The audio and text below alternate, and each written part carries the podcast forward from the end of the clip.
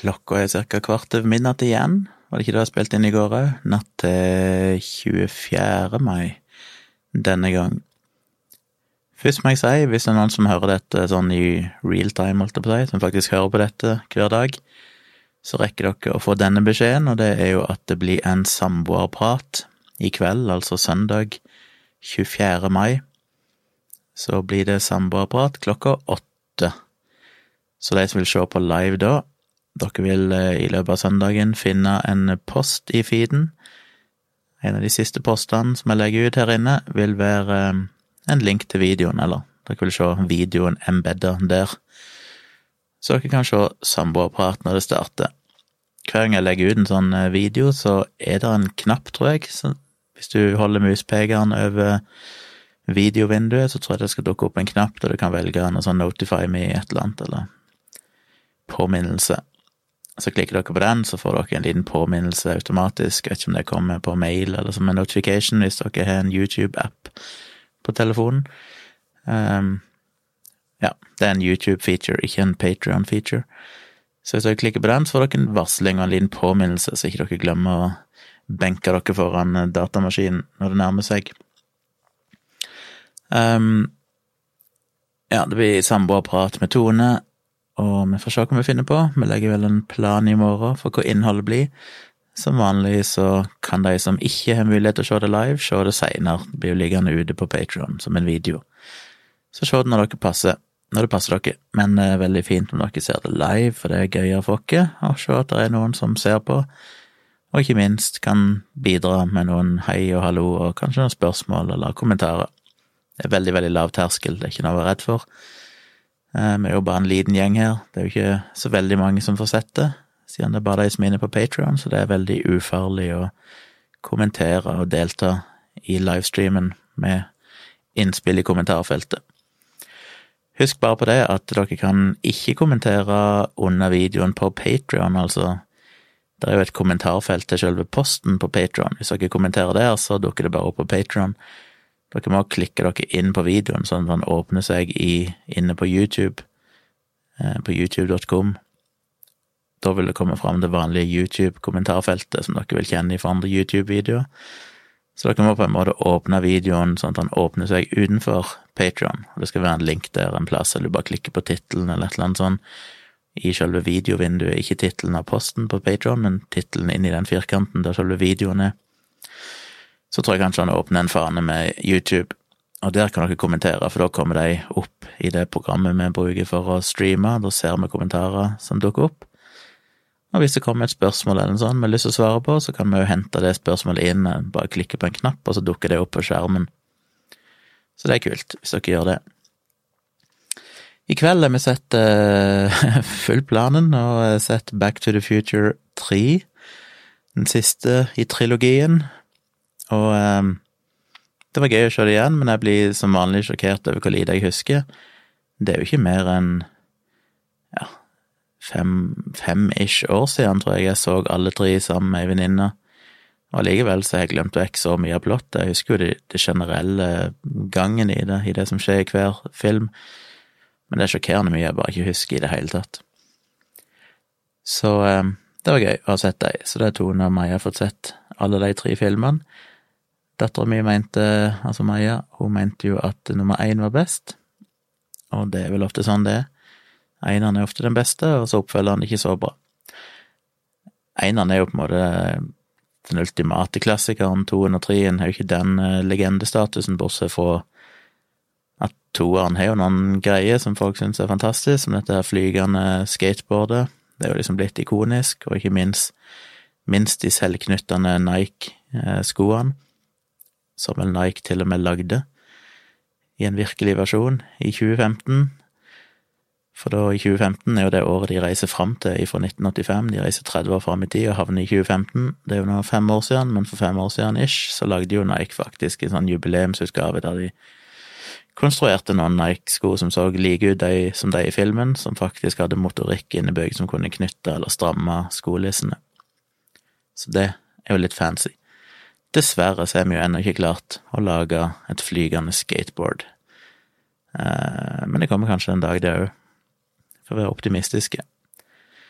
Og så var det jo selvfølgelig ikonisk med den datoen og det der panelet inne i bilen som viser hvilken dato, år og dato de skal reise til. Det var jo stas når den datoen og det tidspunktet og det året kom i 2015. Da, da levde vi liksom gjennom det tidspunktet som de faktisk reiste fram til. Og det er gøy å se litt sånn Selvfølgelig var ikke det veldig seriøst, men allikevel se litt hvilke fremtidsvisjoner de hadde i, i, eh, på slutten av 80-tallet, om hvordan det kom bli, til å bli om 30 år. Det jeg syns er mest fascinerende, er jo at de Ja, flygende biler er jo liksom Det er alltid sånn, alt som er i framtid, så det er alltid flygende biler. Det har vi jo ennå ikke sett, heldigvis, kanskje. Um, men ellers så, så, er det jo enkelte ting som er i nærheten at det kan være riktig, men det er liksom to ting som faller helt igjennom, som de bare bommer på. Det ene er jo at datagrafikken kommer jo ekstremt mye lenger bare allerede midt på 90-tallet så hadde vi jo bedre datagrafikk enn det de på en måte viser på disse skjermene, for eksempel når de er inne på en eh, sånn hamburger eller kafé, og det er sånne skjermer med servitører som tar imot ordren, så er jo grafikken der ekstremt crappy, selv om det på en måte skal være 30 år fram i tid og skikkelig high-tech. Um, så det bomma de grovt på, for jeg vil jo si allerede mener tenk Terminator og sånne filmer som kom midten av 90-tallet, hadde jo vesentlig, eller tidlig 90-tallet, hadde jo vesentlig bedre grafikk. Og til og med den grafikken hadde i spill mot slutten av 90-tallet, og i hvert fall tidlig 2000-tallet, var jo vesentlig bedre. Ting som kunne rendres i real time, var jo vesentlig bedre enn det de så før seg skulle være i 2015. Det andre som er så grov bommert, men det er jo en forståelig bommert, og det er jo at på slutten av 80-tallet så var det jo ingen som så for seg World Wide Web, eller internett. Og det er det som er så gøy med sånn fremtidsscenario, at du, du projiserer jo på en måte bare den teknologien du allerede har, inn i mer fancy former. Men i, for det første i Back to the Future så undervurderer de jo en del progresjon, for eksempel det med datagrafikken, men òg for eksempel at han tar en taxi, og så skal han betale med kort, og den kortleseren han har, ehm, for på det tidspunktet var vel det ganske ja, utenkelig at du hadde liksom bare en håndholdt trådløs kortleser som du kunne bare rekke fram, og så kunne du bare sveipe et kort, og så var det betalt. Men den er jo mye større og mer klumpete og mye mindre fancy enn det vi faktisk hadde allerede for ja, omtrent 20 år siden. Eller iallfall 10-15 år siden. Så det er liksom en del sånne ting som på en måte er rett, at den teknologien kom, men han ser jo Vi klarte jo å komprimere ting til å bli mindre og mer fancy enn det de hadde forutsett. Alt er fortsatt litt sånn stort og bulkete. Men Så det er på en måte projeksjoner av eksisterende teknologi. Men det er gøy med ting som de bare ikke hadde sett før sånn som internett. Sånn at i 2015, da, ifølge Back to the Future 2, når de skal sende en beskjed til noen kjapt, så sender de fortsatt med faks. Det er liksom faks som fortsatt er the shit i 2015. Og ja, så liksom internett og alt det medfører, eksisterer jo ikke noen sted i det fremtidsscenarioet, fordi det var ingen som hadde tenkt at det kom Ja, de visste jo ikke at det eksisterte engang eh, på noe globalt nivå i slutten av 80-tallet, så derfor kunne de heller ikke skrive det inn i manuset, med mindre de hadde vært veldig kreative. Så sånne ting er alltid gøy, og det er det som er gøy når du tenker framover 30 år, så er vi en tendens til å bare tenke dagens teknologi, og så på en måte gjort mye, mye bedre. Men det vi ikke vet, er jo om fem år så kan det dukke opp noe som ingen av oss hadde tenkt på i det hele tatt, som vil bare revolusjonere alt, sånn at alle projeksjoner vi har, blir på en måte irrelevante for den ene tingen. Snu opp ned på alt, sånn som internett, som egentlig da ødelegger alle projeksjonene de hadde for 2015, for det at alt som de har der, ville egentlig vært helt annerledes bare på grunn av at vi har internett og mye kraftigere datamaskiner enn det de så for seg at vi kom til å ha. Så det er jo litt fascinerende. Ellers så har jeg jo uh, montert de her akustiske panelene mine i dag. Jeg så jeg begynte på det i går kveld, men det ble litt bråkete. Og det er altså så frustrerende å drive på med sånne ting, for det, det er liksom én av to under. Den ene veggen på sida av meg her der jeg ikke har montert noen ting ennå, det var den pakken som ikke kom fram. Der skal jeg jo skru opp tre paneler, men der er det betongvegg, og det er jo et helsike. For da må jeg først bruke en drill, og så må jeg drille fire hull i betong, og så banke inn sånne propper, og så skru inn i dem. Og det tar så lang tid. Du står jo liksom i ti minutter for å komme én centimeter inn i veggen. Og ja, jeg vet at hvis vi hadde hatt et mer dyrt og fancy og effektivt bår, så hadde det gått uh, kjappere. Men uh, det er ganske kraftig, at vi har lånt av noen. Et ganske kraftig uh, verktøy vi heller lånt for å bore. Og jeg fikk, vi hadde en elektriker her etter vi flytta inn, som monterte noen lamper og sånn for oss i taket. Og jeg fikk låne hans sitt bor. Det var litt mer effektivt, men til og med med det, det var en sånn gigantisk greie. Han sa 'bruk denne her', sa han, for jeg sto og borte, og han ble oppgitt av å se at jeg sto med det verktøyet mitt, så han sa 'bruk denne her heller'. Det gikk litt kjappere, men til og med med den så tar det jo tid. Men jeg skal ha ganske små skruer denne gangen, så jeg satser på at det går relativt radig. Men så er det det motsatte problemet da på den andre veggen, for det er en gipsvegg, og gips er jo bare noe piss når du skal henge opp ting. Og vi hengte opp mye gipsvegger her inne, og prøvd og feila. Jeg har prøvd sånne gipsskruer av metall. De eh, Av og til funker de, og av og til så bare spiser de et stort hull i veggen, og så bare detter de rett ut igjen, og så er det bare et gigantisk hull.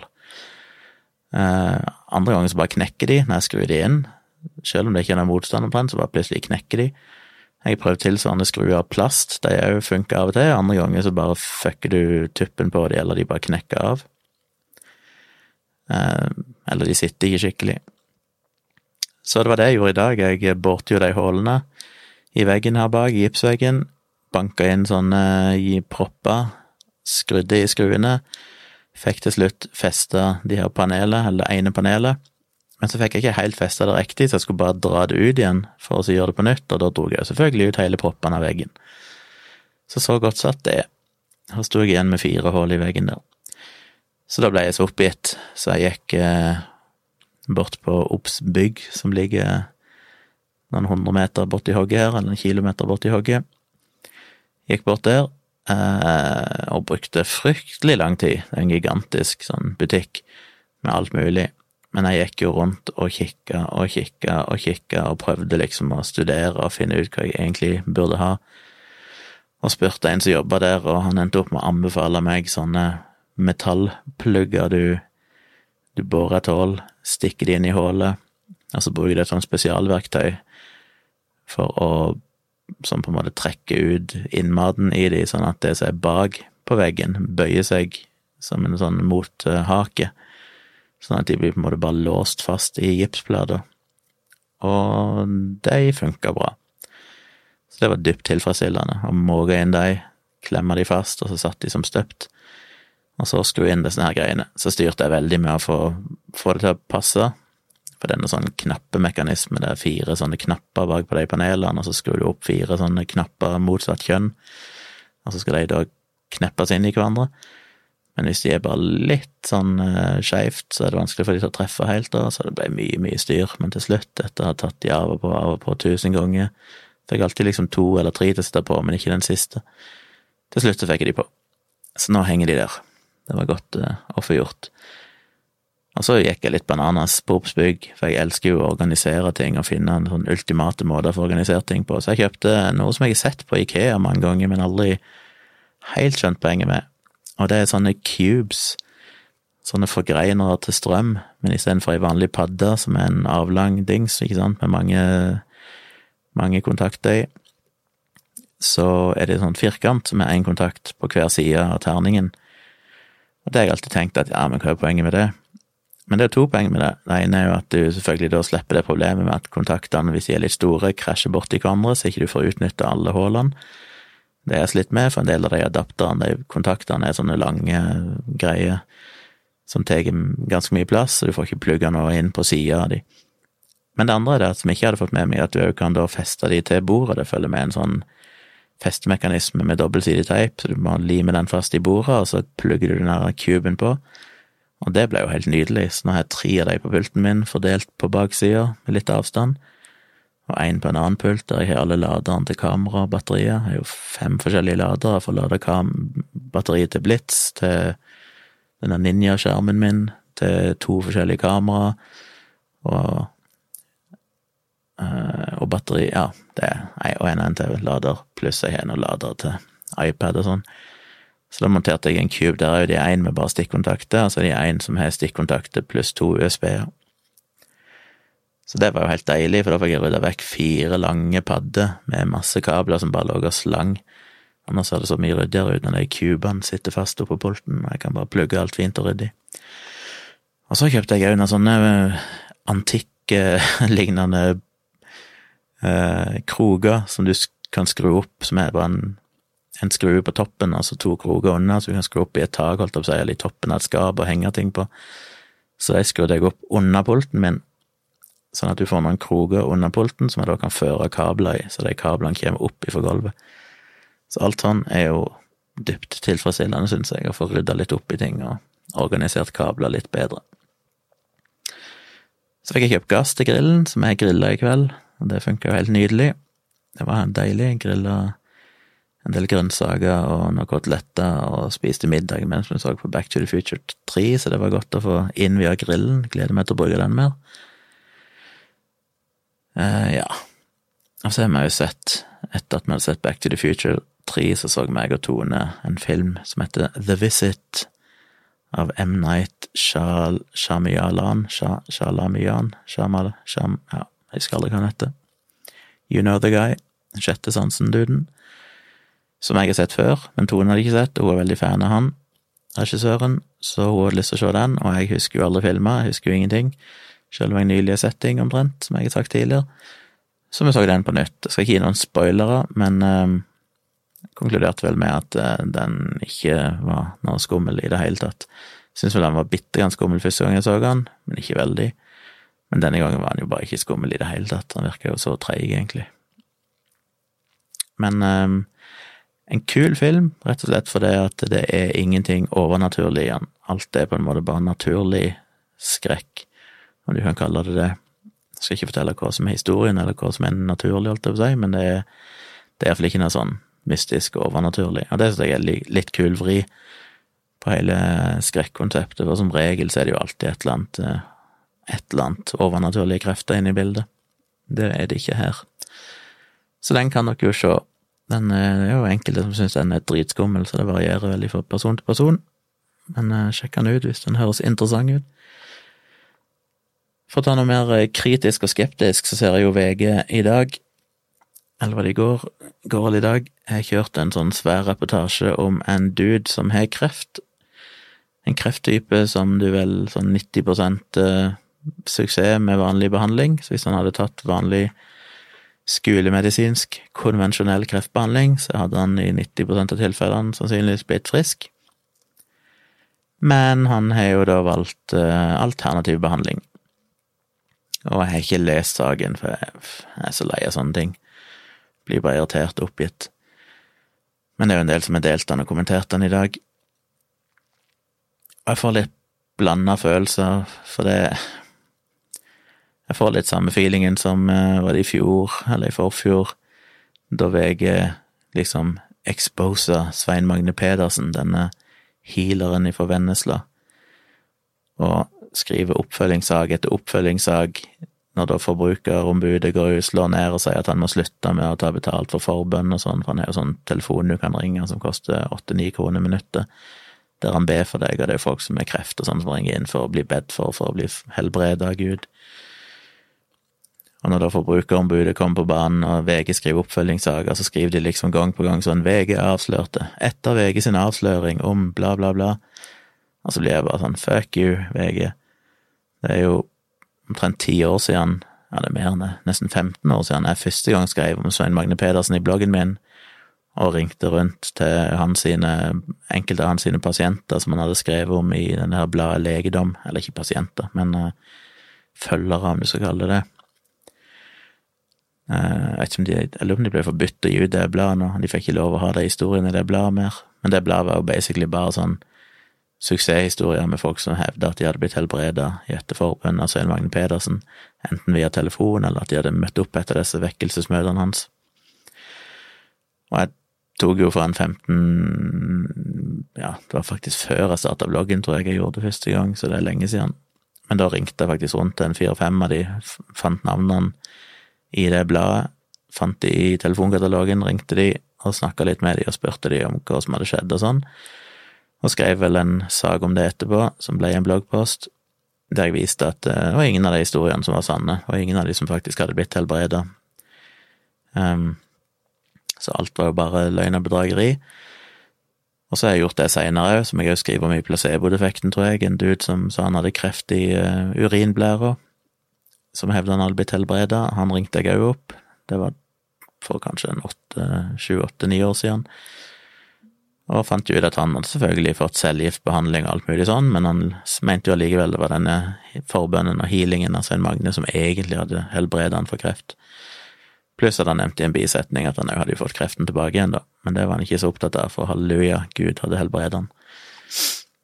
Poenget mitt er bare det at det er litt provoserende når jeg har skrevet så mye om det og brukt så mye tid og skrevet lange bloggposter der jeg har gravd i det og granska og liksom exposa hele tjenesten hans for lenge, lenge siden. Og så kommer det et massivt team med godt betalte. Det er ting jeg har liksom gjort på fritid som hobby uten å få ei krone for det. Så kommer det en lass med journalister som jobber med dette i månedsvis, og så kommer de med en artikkel i VG som basically sier det samme som jeg har sagt i bloggen min for 10 år siden, 15 år siden, og så hevder de at de har avslørt et eller annet, og det er så provoserende. Det hadde kosta de jeg mener ett Google-søk, så må de ha funnet bloggpostene mine om det, så de kan jo ikke ikke vite om det. De kan jo ikke late som at ikke de er klar over at dette er andre som har skrevet om tidligere. Da må de være fullstendig inkompetente i så fall, hvis ikke de er klart å finne mine bloggposter om dette, for søker du på kreft og Svein Magne Pedersen, så er jeg ganske sikker på at du får opp mine bloggposter som en av de første resultatene. Og allikevel så skal de liksom ta æren for dette, og det synes jeg er irriterende. Og det er irriterende igjen med denne her alternativ behandling og kreftsaken, for det De skal vel på en måte Jeg vet ikke om de liksom er litt sånn åpne i den artikkelen, at de bare følger han, de har vel fulgt han over en lengre periode. Men de har jo nå oppfølgingssaker der eh, Hvem var det, helseministeren? Nei, ikke helseministeren, en eller annen oppe i systemet som sa at dette her ikke var akseptabelt, og vi måtte slå hardere ned på alternativ behandling av kreft. Um, og det er jo flott at de gjør det, men igjen så er jo dette òg ting jeg har skrevet om i fryktelig mange år. Jeg har skrevet bloggpost på bloggpost om folk som søker alternativ behandling for kreft, folk som reiser til utlandet. Jeg har skrevet artikler i Fritanke, jeg har skrevet om i boken min, jeg har skrevet mye om det, og vist til norske alternative behandlere som behandler kreft, og helt åpenbart har tatt liv ved å gjøre det.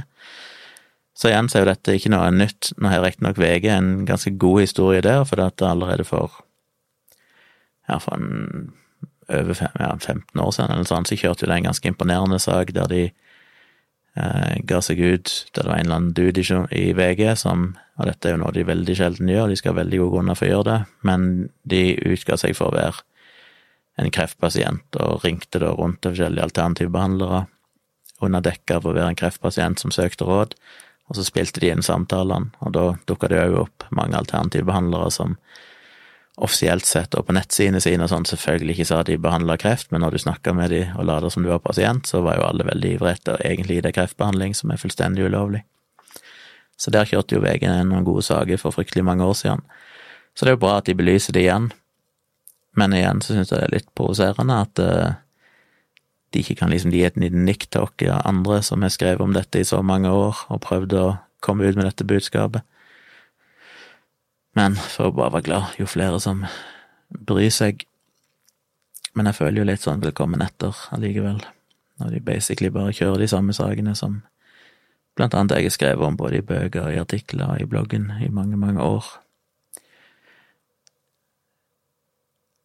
Og det siste jeg irriterer meg over når det gjelder akkurat det, er jo òg at, som jeg aldri skjønner, og dere er sikkert lei av å høre meg snakke om Snåsamannen, men det er jo en av de tingene som provoserer meg er jo at Snåsamannen òg har gått ut og sagt at han har helbreda kreftsyke, og av en eller annen grunn så er det ingen som bryr seg om det.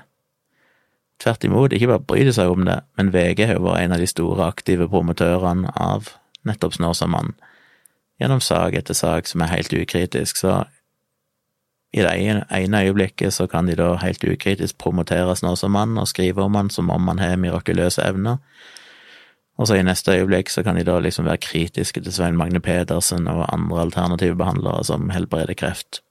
Og det skjønner jeg aldri, hvorfor de aldri kan skjønne det, at ja, men Snåsamann gjør jo det samme, og han er jo den største og mest kjente av de alle, hvorfor blir ikke han tatt for dette her, hvorfor er det ingen som retter en pekefinger mot han?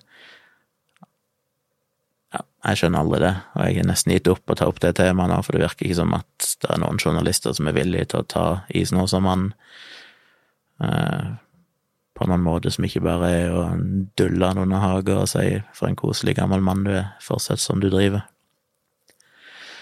Så anyway, det var min lille frustrerte rant om akkurat det. Det siste jeg ville gjøre, var bare å ta en liten sanganbefaling. Og dette føler jeg er ganske snevert, og folk kommer til å hate det, men eh, jeg har jo nevnt at jeg liker Sigvart Aksland som jeg jo syns folk burde gi en sjanse.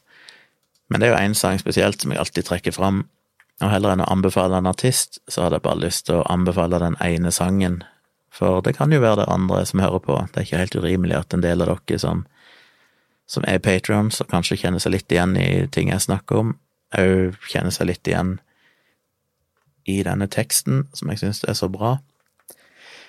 Han har jo en sang som heter Han er jo ja, han har en sang som uh, Han er jo en annen dude som jeg aldri husker navnet på, som har skrevet tekster for han i alle, alle år. Så han har skrevet melodier, og en annen fyr har skrevet tekster. Omtrent som Elton John og Bernie Taupin. Det var sånn radarpar som har gjort alt sammen. Men i 1998 så kom han med et album som heter Fri, der han vel for første gang skrev alle tekstene sjøl. Og jeg syns alltid det er gøy med sånne artister jeg kjenner jo litt til han Erik Poppe, han filmregissøren, for det er en kompis av meg har jobba for han i mange år, og jeg møtte han et par ganger i forskjellige festlige lag. Og en gang jeg var i, i, i 30-årsdagen til han kompisen min for mange år siden, så var Erik Poppe der òg, og snakka litt om at han fulgte jo a-ha. Når a-ha slo gjennom på 80-tallet, så var Erik Poppe med a-ha på sånn verdensturné og lagde en, en dokumentar. Eller, han filma det iallfall, vet ikke egentlig hva han brukte det til. Men han fortalte jo litt om Morten Harke, som mange ser på som en veldig utadvendt og ekstrovert og liksom selvdigger. Kanskje ikke så mye nå lenger, det vil kanskje bli litt nyansert nå, men iallfall sånn på 80- og 90-tallet så var det jo sånn han fremsto. Men han var jo ekstremt introvert og ekstremt folkesky. Eh, Erik Poppe snakka vel litt om det, hvordan Ja, ikke, han syntes ikke det var så behagelig når det var masse skrikende fans og sånn, han hadde ikke lyst til å gå ut og, og være blant folk. Men jeg tror nok sikkert at Dagsland kjenner på litt av det samme, jeg syns alltid det er interessant med folk som er popstjerner, for å kalle de det, eh, som på scenen, ikke sant, har full kontroll, men i hverdagen egentlig er veldig introverte. Og denne teksten, jeg hører ikke hjemme her, bare får lese litt av han. Han synger jo på dialekt, men først, eh, ja, så må jeg lese teksten der. Et blikk inn i rommet, bare fremmede folk er å se. De hører vi sammen, det er bare sånn som det er. Jeg blir så forlegen, skulle gjerne sprunget av sted, hvor er det jeg er? Så hopper jeg i det, det er som det går en alarm. Jeg går inn i rommet, prøver å skru på litt sjarm. Jeg ser hvordan de kikker, jeg kjenner rødmen, jeg er varm, og hvem er så jeg? Det er de to første versene, og jeg kjenner meg så igjen i det, den der følelsen av at alle andre hører sammen, alle andre kjenner hverandre, det er bare jeg som er alene og annerledes. Men så prøver du liksom da å gå inn i dette rommet og prøve å, å fremstå som litt ekstrovert, og bare føle at alle ser dumt på deg, og du føler at du er den eneste som skiller deg ut, og alle tenker 'herregud, hva er det for en idiot som kommer der'. Sånn er det jo hver eneste gang jeg går inn i et rom der det er andre fremmede folk. Så kommer refrenget, jeg hører hjemme et annet sted, og jeg er født til min ensomhet. Du gir meg tørst, sier tid leger alle sår, men jeg ser som årene går, at jeg hører ikke hjemme her. Og det tror jeg nok mange av dere sikkert kjenner dere igjen i. Det er jo ikke helt uvanlig at veldig mange kjenner seg igjen i det. At en føler at en ikke egentlig hører hjemme i denne verden. At, uh, at du er født til å være ensom, og det er vel det som ofte definerer litt introverte folk, den der følelsen av at du passer ikke inn, rett og slett. Du liker helst å bare drive med dine egne ting, for det er det enkleste. Med en gang du skal forholde deg til andre mennesker, så er det bare komplisert og slitsomt. Og så liker jeg så godt uh, tredje verset, der sier han så sitter jeg der, da, skjelven i armer og bein, tolker signalet, prøver å tyde tegn. De er jo så mange, her sitter jeg og er én, og hvem er så jeg? Og det er jo kjenner meg så igjen i det her med tolke signalet, prøve å tyde tegn. Det føler jeg er bare Ja, det er den klassiske introverte observatøren. Jeg er jo den observatøren. Jeg liker å sitte på en fest. Hvis jeg ikke kjenner folk, så er jeg mest happy hvis jeg bare kan sitte og observere folk. Prøve å tolke signalet, prøve å tyde hva de vil, å se hvordan folk snakker med hverandre. Og så føler du deg veldig aleine. Og jeg er jo den fyren som folk alltid kommer bort til og spør sånn ja, går det bra med deg, har du det fint? Og jeg må bare bekrefte at jo, har det helt fint, jeg. Det er det mye finere hvis ingen kommer og snakker med meg og spør meg, bare la meg være i fred, liksom. Så kan jeg bare sitte her til jeg må gå. Da er jeg mest happy. Men den eh, sangen eh, skal jeg lenke til, bare så dere kan høre den hvis dere har lyst til det. Det er en sang jeg av og til setter på de gangene jeg virkelig føler meg utenfor og bare føler at fuck, jeg får ikke dette her til, får ikke til verden, jeg får ikke til sosiale greier. Så kan jeg plutselig sette på den sangen bare for å føle at uh, Sigvart skjønner meg. Sigvart har trukket ut essensen her. Og det hjelper litt av og til å bare høre den teksten. Pluss jeg det er en dritbra sang. Jeg syns det er en ja, jeg elsker bare starten på den. Det er maskineriet av et slagverk som kommer snikende inn. Jeg elsker bare det. Det går så forsiktig i starten. Men så plutselig så bare begynner grooven å komme, og det er så Det er altså så eh, nydelig, rent musikalsk fremført. Så minimalistisk, men så utrolig bra. Så jeg skal lenke til den på Spotify, kan dere høre den? Da har jeg vel snakka mer enn lenge nok, så jeg skrur av, og så skal kanskje meg og Tone se en episode til av Defs, som for øvrig viser seg å være en usedvanlig dyster og frustrerende serie som er bare vond. Men jeg er spent på hva det fører hen, så vi må se videre. Men da ses vi igjen i morgen. Det blir kanskje ikke noen podkast i morgen, for da blir det samboerprat, men jeg håper dere dukker opp klokka åtte. Tune inn hvis det er noen som har problemer med å få det til, at ikke helt dere vet hva dere skal finne videoen, eller hvordan dere skal åpne den på YouTube så dere kan kommentere, så send meg for all del en melding i innboksen her, så skal jeg eh, forklare og hjelpe dere så godt jeg kan. Det er ikke flaut, for jeg har ikke prøvd det sjøl, så det kan godt være det er ganske vanskelig, men eh, spør i vei hvis dere har problemer. Så høres vi igjen i morgen live sammen med Tone klokka åtte. Så vi snakkes.